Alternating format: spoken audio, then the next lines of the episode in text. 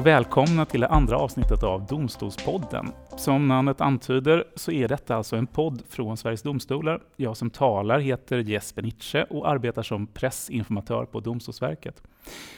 Idag spelar vi in från Högsta domstolen i Stockholm. Högsta domstolen är högsta instans för de allmänna domstolarna där tingsrätter och hovrätter finns. Parallellt finns de allmänna förvaltningsdomstolarna med förvaltningsrätter, kammarrätter och Högsta förvaltningsdomstolen som eh, högsta instans. Rent geografiskt kan man väl som kuriosa nämna att HFD ligger ett får vi säga, synnerligen atletiskt stenkast ifrån HDs lokaler. Men just idag är vi alltså på HD. Det finns onekligen ett väldigt stort intresse för Högsta domstolen. Man kan titta på medierapporteringen om både prövningstillstånd, vägledande avgörande från HD och se att det rapporteras väldigt mycket. Men hur funkar Högsta domstolen i praktiken? Hur ser vägen fram till ett prejudikat ut? Hur kan man se på nyttan för samhället med HDs avgöranden? Med den typen av frågor så har Domstolspodden idag tagit sig till Bondeska palatset på Riddarhustorget för att prata med tre domare vid Högsta domstolen som nu sitter vid bordet. Jag tänkte börja Kerstin Kalissendorf, justitieråd, alltså domare på Högsta domstolen. Välkommen till Domstolspodden. Tack så mycket. Jag tänkte kolla med dig som en öppningsfråga. Eh, jag nämnde ju media rapporterar mycket om, eh, inte bara om Högsta domstolen, om domstolar överhuvudtaget. Men domstolen, domaren, förekommer ju även i, eh, i populärkultur, film, radio, tv eh, litteratur, musik kanske också. Har du något, har du något exempel på eh, en populärkulturell skildring av domaren eller domstolen som du tycker är särskilt bra? Ja, när det gäller domaren då um, fascinerades jag av um, Ian McEwans bok Domaren, eh, som visserligen rör en engelsk domare mm. men som eh, är en fantastiskt fin skildring av de eh, problem som en domare kan ställas inför. Eh, mycket välskriven, jag kan verkligen rekommendera den. Vad spännande. Kände du igen dig när du läste Ian McEwans domar? Nej, alltså det var en annan typ av problem än vad jag har ställts för i min yrkesroll. Men jag kunde få en stor förståelse för. Det var ett, ett eh, problem, ett så att säga, i viss mån ett moraliskt problem, men som löses juridiskt. Mm. Att, Stefan Lindskog, justitieråd och ordförande, alltså chef för Högsta domstolen. Välkommen till Domstolspodden. Tack så mycket för det. Jag tänkte du ska eh, få en, eh, en fråga. Veckan som har gått hittills, idag är det onsdag. Veckans höjdpunkt för din del, vad har det varit? Ja, vår verksamhet här veckomässigt är strikt indelad på det viset att vi gör vissa saker på måndag, andra saker på tisdagar och onsdagar och tredje, tredje sak på torsdagar. Mm. Måndagar har vi tremannamål och vi tar ställning till om det blir prövningstillstånd. Tisdagar och onsdagar så föredras de dispenserade målen. Och torsdagar så eh, samlas vi för att gå igenom utkastförslagen. Mm. Och veckans höjdpunkt inträffar varje torsdag då vi går igenom utkasten tillsammans. Vi sitter ner och, och läser och diskuterar formuleringar. Och det är ett kollegialt arbete som jag tycker är vansinnigt roligt. Petter Asp, justitieråd i Högsta domstolen. Välkommen till Domstolspodden. Tack så mycket. Podden är ju, eh, det är ju en kanal för att eh, Sveriges Domstolar ska kunna berätta om sin verksamhet. Men vi har ju en viss konkurrens mm. från andra poddar. Jag tänkte kolla med dig. Är du, är du en poddlyssnare? Jag är ingen stor poddlyssnare, men, men jag lyssnar då och då på poddar. Mm. Um. Favoritpodd, har du någon som du tycker är riktigt bra? Ja, den som sticker ut tycker jag är DJ 50 spänn. Vad är DJ 50 spänn för något? Ja, det är en journalist som, som eh, ger en 50-lapp åt någon eh, någon gång då och då och eh, ber den personen komma tillbaka med, med fem begagnade LP-skivor eh, som de får välja enligt olika kriterier. Nostalgiköpet och det är ja. chansningen och så vidare. Och det, eh, den där begränsningen till 50 kronor leder ju till att man hamnar i musik som man eh, ingen köper, och, eh, eller många har köpt en gång i tiden ja. och kommer tillbaka och så vidare. Så att, eh, det, det är en eh, mycket, mycket bra idé. Härligt. Ja, men, bra! Tack för det. Och vi är igång med själva poddprogrammet. Fokus för eh, programmet idag, det är ju eh, i grund och botten frågor om vad Högsta domstolen gör, hur och varför. Eh, podden, en kanal som finns tillgänglig för omvärlden. I det sammanhanget så tycker vi från Domstolspodden att det är intressant att lite se hur ser omvärldens bild av Högsta domstolen ut. Som avstamp för det så har vi från eh, Domstolspoddens sida gjort en ganska ovetenskaplig, men ändå en gallup och frågat ett antal personer. När jag säger Högsta domstolen, vad tänker du på då?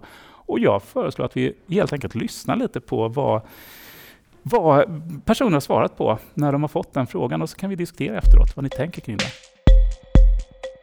Vad tänker du när jag säger Högsta domstolen? Eh, jag tänker på att det är viktiga människor som fattar viktiga beslut. Eh, eh, allvarliga människor som ja, bestämmer viktiga grejer. Högsta domstolen är väl den högsta instansen man kan gå till att det ligger över hovrätten. Så blir man fälld i Högsta domstolen, då är det kört. Det är väl där som eh, högsta besluten tas efter att först eh, någon har åklagat i tingsrätten och sedan i hovrätten. Där de bestämmer beslut och straff.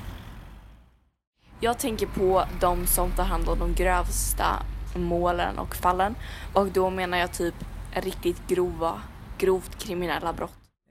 Stor lagbok, en domare, en sån här klubba, tråkigt, gammal byggnad, typ slottet. Ja, det var, det var, några röster om Högsta domstolen utifrån. Spontant, vad tänker ni kring det som sades?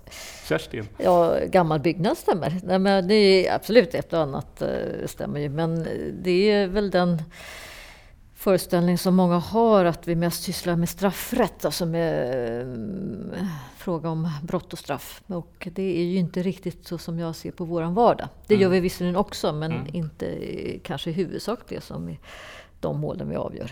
Mm. Utan det är mer av vardagsjuridik, eh, eller inte alltid det heller, men en hel del vardagsjuridik som eh, kan röra ärenden hos Kronofogdemyndigheten och det kan röra tvister mellan makar och det kan röra eh, tvister fastighetsägare emellan och eh, tvister företag emellan. Mm. Att, eh, det är många andra typer av frågor vi får hos oss. Det kan även gälla parkeringsböter. Ja, precis. Vi ska, vi ska ju gå in och titta lite på ett par, ett par mål för att, för att se mer i detalj vad, vilka frågor som, som HD prövar. Men den här bilden alltså med eh, en föreställning om att HD framför allt arbetar med brottmål straffrätten.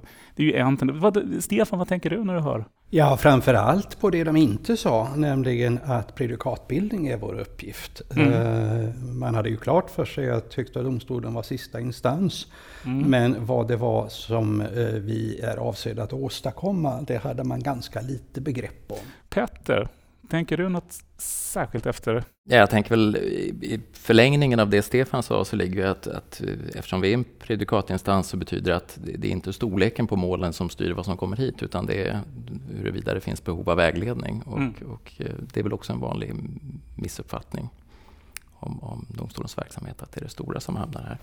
Om man är krass, finns det någon poäng med att man i allmänhet har koll på just vad Högsta domstolen har för roll? Ja, det är väl samma poäng som det är att förstå vad riksdagen sysslar med och vad regeringen sysslar med. Det mm. handlar om att förstå samhället i, i största allmänhet. Och, och eh, vår uppgift är ju som sagt var att vara predikatbildande och det innebär att vi utövar en normativ roll. Absolut inte på samma nivå som riksdagen och lagstiftaren. Men eh, likväl en viktig samhällelig uppgift. Mm. Eh, och, och det tycker jag tillhör allmänbildningen att förstå. Mm. Jag, jag, skulle vilja kolla här, dubbelkolla, för du, du var inne på prejudikatbildningen och på den normativa rollen. I praktiken, vad är det vi pratar om när vi pratar om prejudikatbildning och normativ roll? Ja, det är lite förenklat kan man väl säga att, att eh, normeringen i form av rättsregler sköts övergripande och i grunden av eh, riksdagen. Men eh, det som kommer därifrån är inte heltänkande utan det fyller vi ut. I praktiken är vi någon slags lagstiftare i mikroformat. Mm. Eller kompletterande format om man så vill. Och det kan till exempel betyda att vi eh, åstadkommer en praxis när det gäller hur man straffmässigt ska se på vissa brott. Inom ramar som mm. lagstiftaren mm. ger, men inom dessa ramar så kan vi eh, ange vissa anvisningar det kan handla om gränsen för vad som är straffbart som inte är alldeles klart, som vi får precisera. Så det är väldigt många olika frågor. Och det behöver inte alls vara straffrätt, det kan handla om helt andra frågor, konsumenträttsliga frågor och mm. Eh, ja, allting som går under de allmänna domstolarna. Och jag tänker att vi faktiskt kommer in på de frågorna som är eh, huvudfokus för podden, nämligen kärnverksamheten, de vägledande avgörandena. Eh, när jag läste verksamhetsberättelsen från Högsta domstolen, som jag också vill tipsa lyssnare om, en väldigt eh, snabb, enkel och eh, pedagogisk beskrivning av Högsta domstolen, Högsta domstolens verksamhet, så fastnade jag bland annat för en passage, och det står i ditt, eh, ditt din inledande text, Stefan. Eh, jag läser, Högsta domstolen är i den meningen inte längre till för parterna, den är till för landet och samhället i dess helhet. Hur, eh, hur ska man förstå den passagen? Vad innebär det i praktiken? Ja, alltså bakgrunden är ju den att vi i grunden har ett tvåinstanssystem. Parterna ska få sin sak fullödigt prövad i tingsrätten och en möjlighet till överprövning i hovrätten. Högsta domstolen har en annan uppgift, nämligen att rättsbilda. Du kan säga att alla 5000 överklaganden som vi får hit är ett råmaterial ur vilket vi sorterar ut ett antal lämpliga predikatämnen.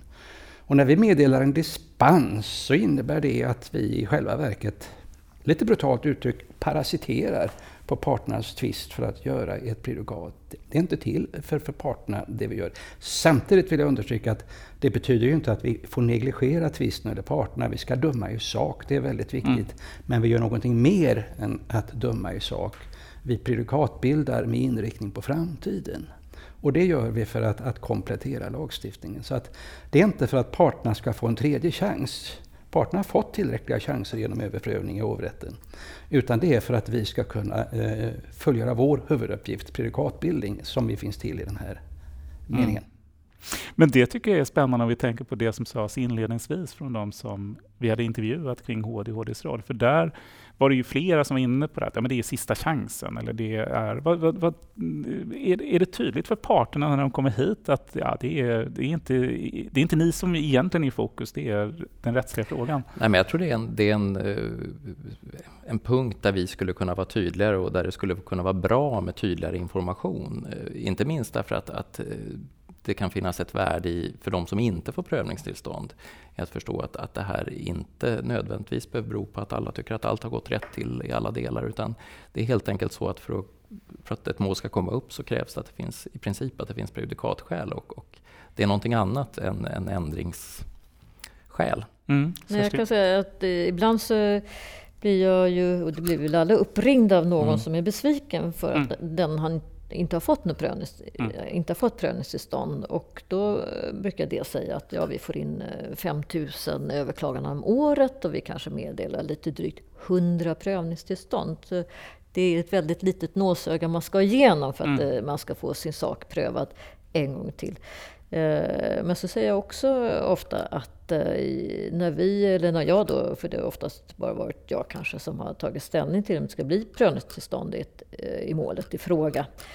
Då har inte jag tagit ställning till om hovrätten har dömt rätt eller fel. Mm. Det, har inte jag, det har inte varit fokus för min bedömning. Utan det har varit, är det någonting, finns det någon fråga här som eh, rättssamhället kan tjäna på att HD tar upp och prövar? Mm. Det är bara det jag funderar på.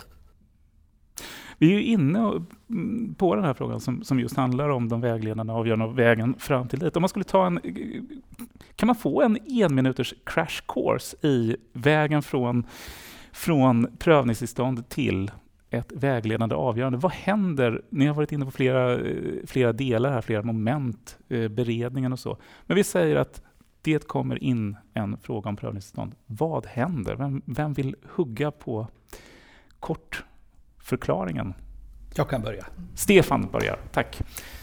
Vi har eh, ständigt två indelade grindvakter som står och tar emot den floden av överklaganden som kommer in och gör en snabb sortering i sådant som eh, absolut inte kan bli relevant. Och det är en väldigt stor del. Det ligger någonstans upp och ner i konjunkturerna mellan 80 och dryga 90 procent. De där målen de fördelas ut på ledamöterna för ställningstagande av endast en ledamot. Man får en hög mål, oftast en sex mål eller någonting sådant, att ta ställning till. Och vad det går ut på är avslag. Eh, och då sorterar vi ut den absolut stora bulken där. Sen sker en, en, en fortlöpande uppföljning som, som eh, lite olika nivåer som vi kan hoppa över. Och så småningom är det väl någonstans i knappa 10 procent av överklagarna kvar, kanske ner i 8-7, som föredras på måndagen mm. för tre ledamöter. Och av dem så blir det väl prövningstillstånd i, ja det är upp och ner eh, under åren, men säg då en tredjedel eller någonting. Och när det har kokat färdigt så är det ungefär 2% av de 5000 målen, lite dryga 2 mm. av de 5000 målen som har blivit prövningstillstånd. Mm. Och själva poängen med detta det är att vi ska så effektivt som möjligt sortera ut det som kan vara något och lägga ned så lite arbete som möjligt på den stora bulken som inte kan bli något. Men för de här, du var inne på, det är 2% lite drygt som blir, eh, som blir kvar om man säger så. Vad händer där? För nu var vi inne egentligen i frågan om prövningstillståndsprocessen. Kerstin, vill du ja. ta vidare stafettpinnen? Jo, och... nej, men då är det, eh, när väl då de tre ledamöterna har sagt att ja, nu ska det bli prövningstillstånd i detta, så går målet så att säga tillbaks till eh, den som har föredragit det, den justitiesekreteraren, som då ser till att parterna får yttra sig och sköter, den justitiesekreteraren sköter helt självständigt all skriftväxling mm. och eh, ja, sådana saker. Och eh, sen funderar då på själv vad hon eller han tycker eller ser på, hur ser på frågan och sätter då ihop det här trycket och skriver ett förslag till eh, dom. Mm. Och sen skickas detta tryck då ut, uppkopierat eh, till ledamöter, de fem ledamöter som ska delta i avgörandet. Och då kommer det ja, kanske tio dagar innan det ska föredras. Mm. Och den dagen det ska föredras då har alla ledamöter mycket noga läst igenom allt och bildat sig en egen uppfattning om, eh, i alla fall en preliminär uppfattning om hur man ser på de frågor som målet reser. Och här, tror jag nästan, här får vi nästan ta och gå in lite superpedagogiskt, för vi har ju sett förledet här. Ja när det gäller prövningstillståndsprocessen. Och, ja. och mellanledet. Om man tar ja. syftet med första ledet, prövningstillståndet, där har vi ett syfte som handlar om att Ja, att vaska fram vad som eh, vi tror ska bli ett vägledande avgörande. Precis. Ett prejudikatämne ja. brukar vi säga. Ja, ett prejudikatämne. Sen har vi mellanledet. Mm. Det är själva liksom, ja, trycket. Ja, handläggningen. Ja. ja. Och där kan man se att syftet för Jo, det är att vi ska få en så djup eh, bakgrund som möjligt, eller ja, så, så bred bas som möjligt att stå på när mm. vi ska sen uh, fatta vårt beslut. Det tillverkas julklappen där. där till, ja, precis. Och sen är det paketöppningen då. Ja, det kan ju någon av er ta. Ja, eh, Petter, du får paketöppningen nu. Referenten går igenom målet väldigt noggrant och till alla djurstud som eventuellt lyssnar på det här kan man säga att vi läser lagtexten för varandra. Eh, så man börjar ordentligt från början. Eh, och, och, vilket jag tycker är en väldigt god utgångspunkt. Något som det slarvas mycket med ute på, på universitetet. Eh, och sen så ger man i, efter referenten i åldersordning sin syn på det hela och sen kan man säga att det utbryter fri diskussion om det inte har gjort det dessförinnan.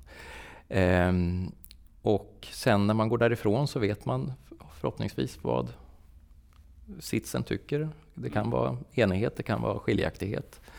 Eh, utifrån det så skriver normalt sett referenten ett, ett votum. Och sen så har man, det vill säga ett utkast till dom. Bra. Och sen så har man eh, en diskussion kring det domsförslaget på torsdagen efteråt. Mm. Eh, så den cykeln den cykeln, följs ja. i princip. Och en detaljfråga här som, som jag tänker också eh, av kuriosa, när du sa i åldersordning. Det är inte så att ni håller upp körkorten, utan det är egentligen Från hur länge man har börjat, sen man började på HD. Just det. Eh, vi har ju pratat om, om eh, vägen fram till ett prejudikat. Det som kanske är mest spännande är ju liksom effekten. För hela, hela nyttan med prejudikaten är ju att de ska Det ska vara Bara- vägledande. Mm. Man Ja. ska veta att det här gäller på det här området nu. Ja, ja. Finns det några utmaningar? För jag tänker att då har vi eh, för er del ett antal tingsrätter och hovrätter som ska förhålla sig till det ni har kommit fram till. Hur, hur funkar det? Jag är som en papegoja här när det gäller just eh, hur, hur funkar det? Hur får era vägledande avgöranden genomslag? Alltså först vill jag peka på att eh, våra avnämare är inte bara domstolarna, tingsrätter och hovrätter. Det är en så mycket bredare avnämarkategori än så. Eh, eh, och det beror på vad för typ av mål det är, vilka som är stakeholders, vilka som är intressenter.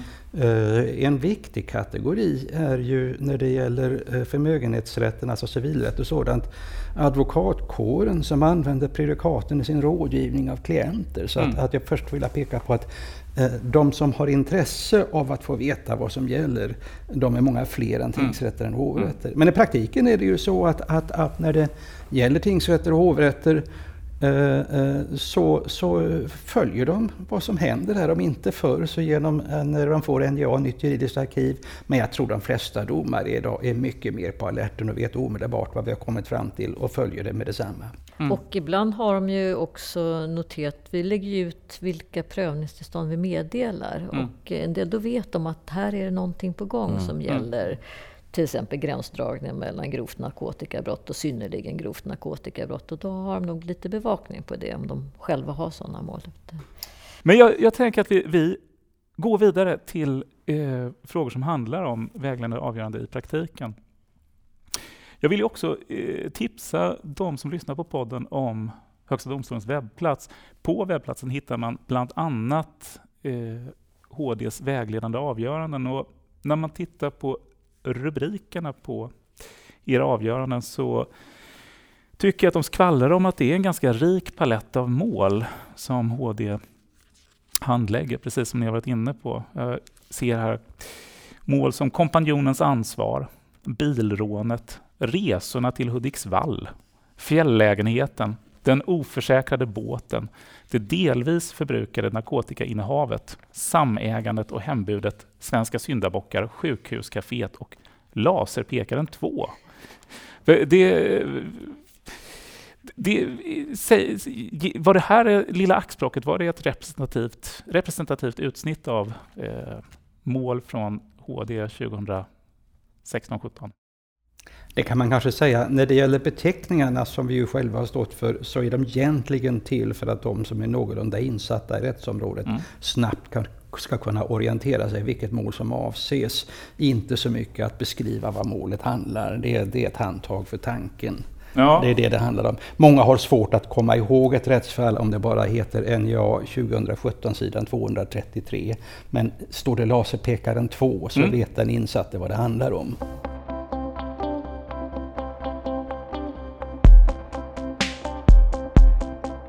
Och jag tänker att vi, eh, vi ska gå in och titta på, ni har, ni har med tre, eller rätt sagt fyra stycken olika avgöranden. Petter har med sig två. Eh, men jag vill börja med Stefan. Du har med ett vägledande avgörande från i år. Mhm. Vill du berätta kort vad det här vad det handlar om? Rulltrappan har vi kallat det. Mm.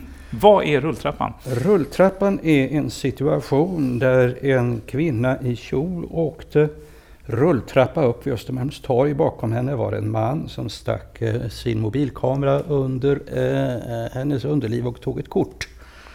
Och detta upptäckte inte kvinnan eh, utan hon fortsatte att åka men några andra yngre män som jag förstått det upptäckte det och såg till att ta fast honom och konfrontera honom med kvinnan efteråt. Nu var frågan, var det här straffbart? Mm. Det var det det handlade om. Och det kan man ju omedelbart tycka att så där får man inte göra. Men när det gäller straffrätten så har vi ju legalitetsprincipen, det vill säga att man får inte döma någon för ett brott utan det går att subsumera, det går att fånga upp under en, en lagbestämmelse. Och visst, det finns lagbestämmelser här. Vi har någonting om kränkande fotografering, men det är begränsat till privata utrymmen på visst sätt. Och vi har bestämmelser om ofredande, men eh, eh det tar det ena sikte på andra situationer. Och så har vi bestämmelser om sexuellt ofredande. Frågan var om det här var sexuellt ofredande. Ett problem var att när det gäller ofredande så fanns det praxis som sa att en förutsättning är att den som är utsatt för det här har uppfattat själva kränkningen, ofredandet. Och i det här fallet så hade ju kvinnan inte gjort det. Hon hade inte märkt att det mm. fotograferades. Och då var frågan om sexuellt ofredande kunde föreligga trots att hon inte hade märkt detta. Det var så att säga grundproblematiken. Och eh, man fick bedöma detta i ljuset av eh, legalitetsprincipen.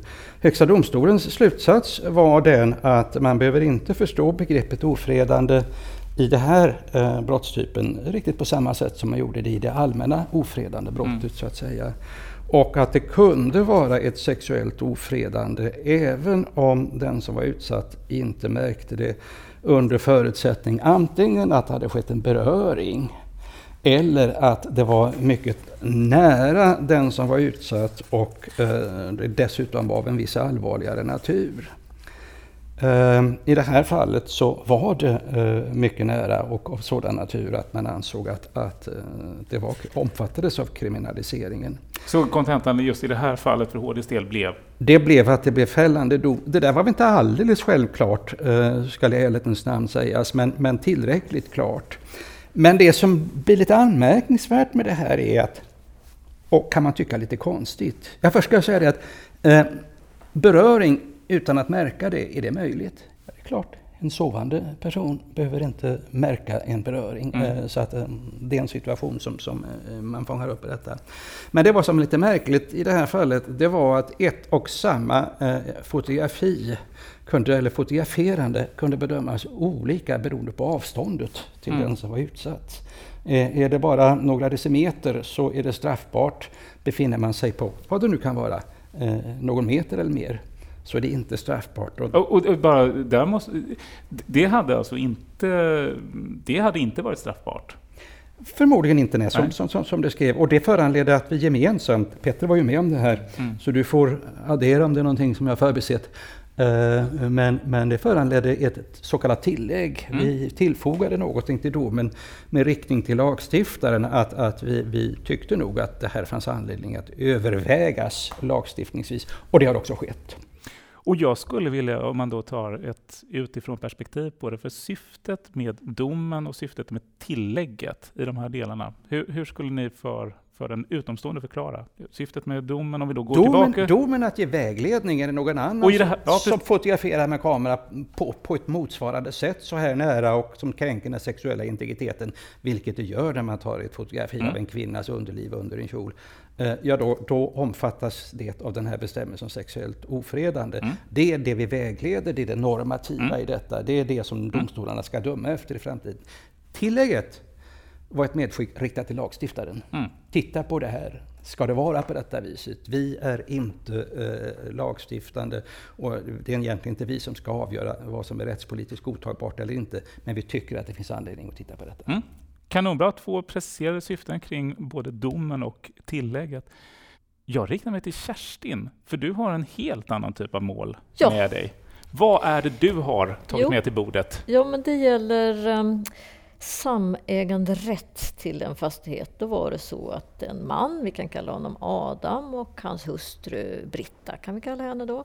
De ägde en fastighet hälften var, båda var alltså lagfarna ägare. Och Britta hade en dotter, vi kan kalla henne Cecilia.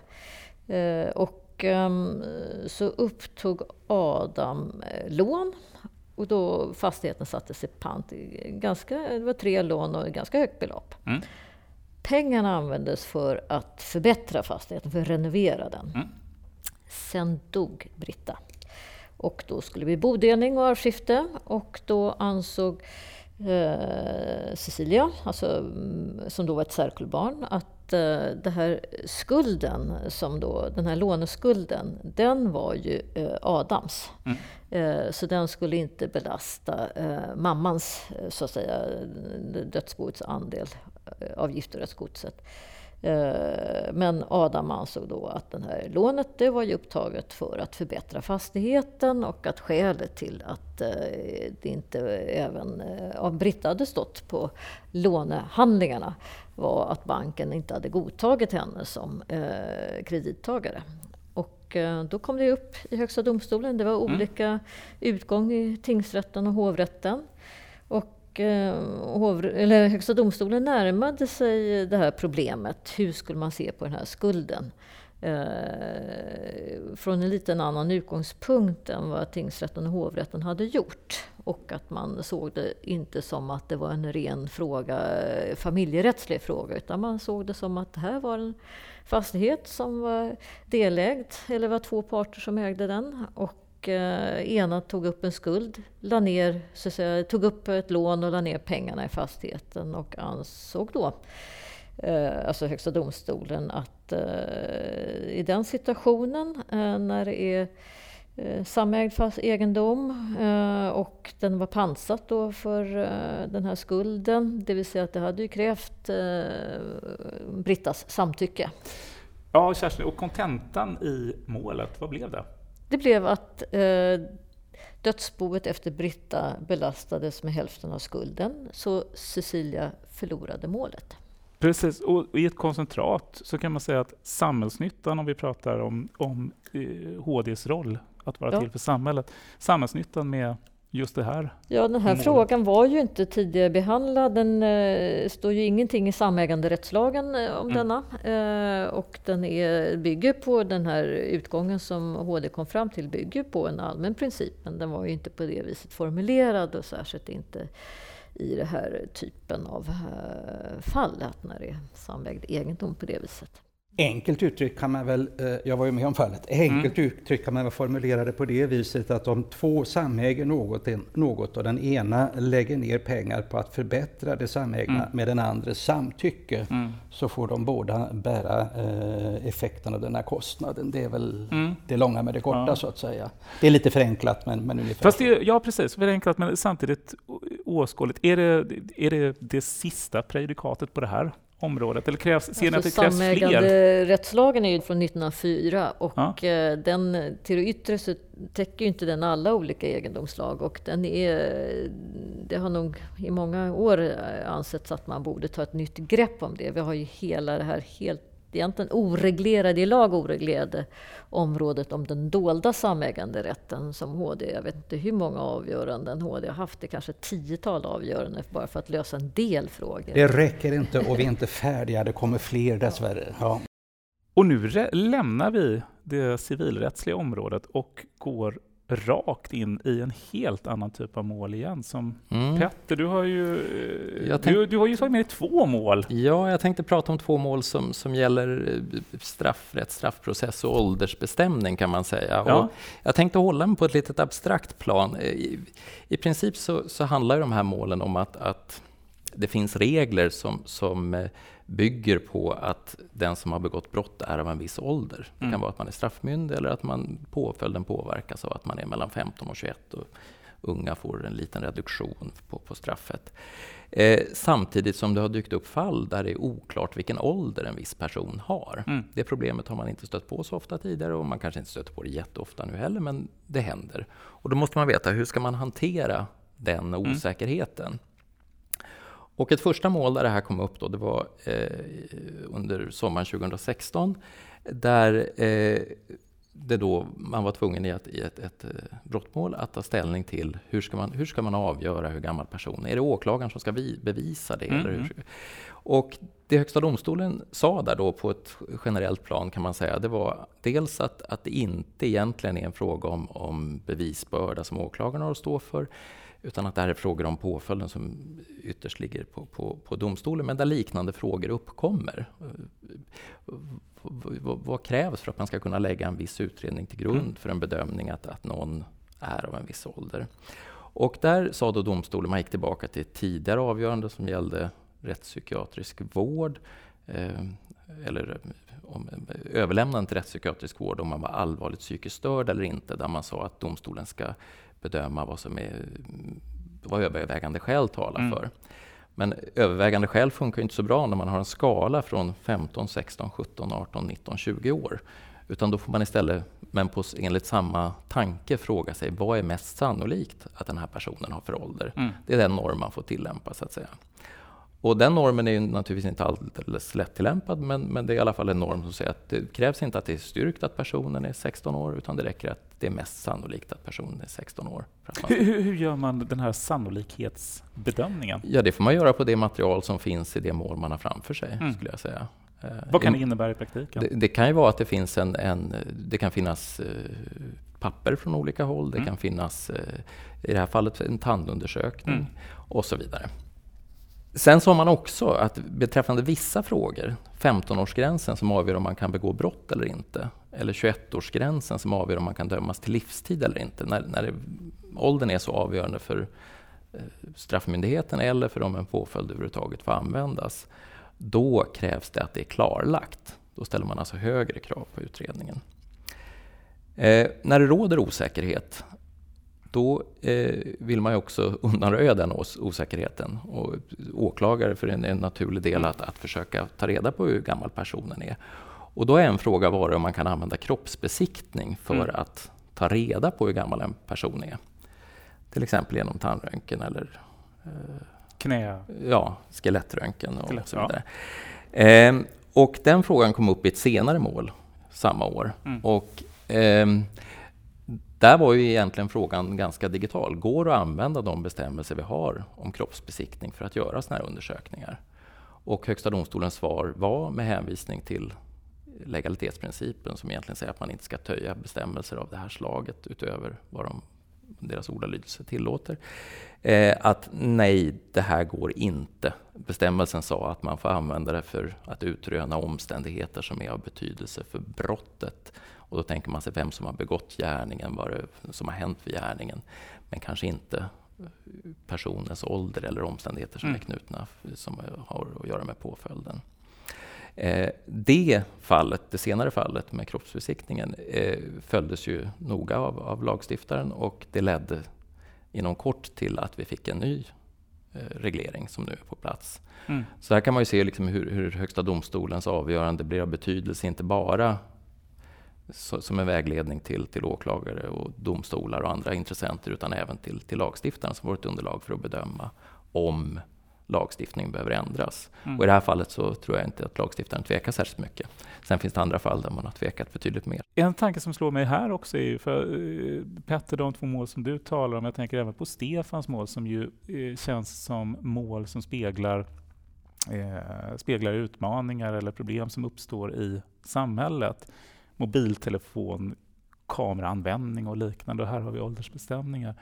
När vi, om vi bara kort pratar kring detta med, med urvalet av mål som HD i slutändan tar upp. Är detta med, med tidsutveckling, eh, är det ett viktigt inslag i eh, urvalet av mål? Vad säger Stefan? Nya tider, nya frågor eh, och det är av helt olika slag. Eh, vi har eh, invandringen och eh, det utlöser vissa nya typer av problem. Eh, någonting annat som jag särskilt vill peka på det är informationshantering. Vi har övergått från att information finns på papper till att information finns i molnet. Mm. Och eh, ett stort antal lagbestämmelser av helt olika slag utgår ifrån att informationen finns på papper och de reglerna är knutna till detta. Men nu har vi informationen i molnet. I vilken utsträckning kan vi tillämpa de här lagbestämmelserna eh, eh, mm. på information som finns i målet? Vi hade en variant av det för några år sedan som handlade om möjligheten att beslagta fotografier. Där lagtexten utgår från att, att det var fråga om information på papper men i det här fallet så var det elektroniskt lagrade fotografier. Eh, vi sitter just nu med ett mål som handlar om ett elektroniskt skuldebrev, kan vara löpande när skuldebrevslagen utgår ifrån att ett eh, skuldebrev finns på papper eh, och det finns eh, hur många varianter på det där som helst egentligen. Så mm. nya tider, nya frågor och inte sällan handlar det om att tillämpa gamla regler på nya situationer. Mm. Bra sammanfattning av det. Vi har gjort en liten eh, presentation av Högsta domstolen, Högsta domstolens verksamhet med fokus på de vägledande avgörandena vägen fram till vägledande avgöranden. Ja, Petter Asp, stort tack för att du var med i Domstolspodden. Tackar. Vad tyckte du om att vara med? Det var trevligt. Härligt. Eh, har du någon idé om vad du tycker Domstolspodden skulle ta upp i kommande program? Jag tänker att det skulle kunna finnas ett utrymme för att tillhandahålla ett forum för diskussion om eh, omdiskuterade avgöranden där liksom man låter kanske inte de som har medverkat men andra diskutera avgöranden under lite längre tid. Alltså skapa ett forum som är lite mer tillåtande än de, de eh, ögonblicksbilder som man får genom vanliga media. Mm.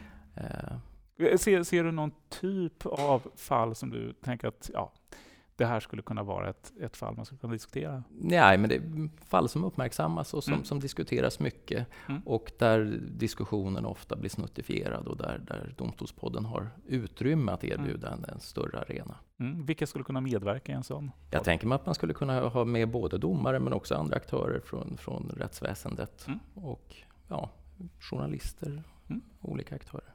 Där man kan få ett samtal istället för en debatt. Spännande idé, tack för den. Stefan Lindskog, tack för medverkan i Domstolspodden. Tack, det var kul att vara med. Ja, vad tycker du om eh, att prata Högsta domstolen i poddformat? Eh, jag tycker om att prata om Högsta domstolen i alla format. Mm. Eh, och jag tycker att det, det, är en av mina uppgifter. Ja.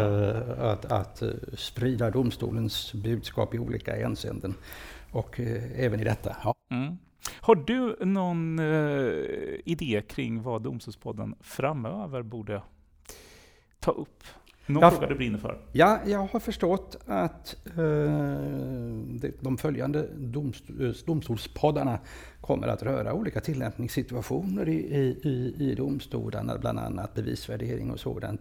Jag tycker en fråga som eh, borde belysas i de här sammanhangen är Tycker domstolarna att de har fått ledning från Högsta domstolen i de här frågorna som skulle kunna vara av värde? Och tycker de att det finns mer som vi skulle kunna göra och i så fall vad? Det skulle jag tycka var trevligt om de frågorna ställdes. Mm. Så det skulle bli lite nästan någon typ av konsumentupplysning för, för HDs del? Det är vi mycket intresserade av att få veta saker och ting. Ja, vi... Jättebra, tack för det inspelet. Kerstin Kalissendorf, stort tack för att du ville vara med i Domstolspodden.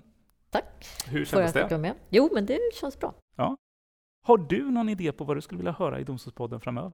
Ja, något som jag funderar på när jag sitter med mina enmansmål eh, är hur går det till eh, för de domare, eller hur ser de domare på sin uppgift som sysslar med tvister om vårdnad och umgänge. Mm. Eh, vi tar ju sällan upp den typen av mål hos oss. Eh, men eh, hur ser man på sin roll? Vad kan man bidra med?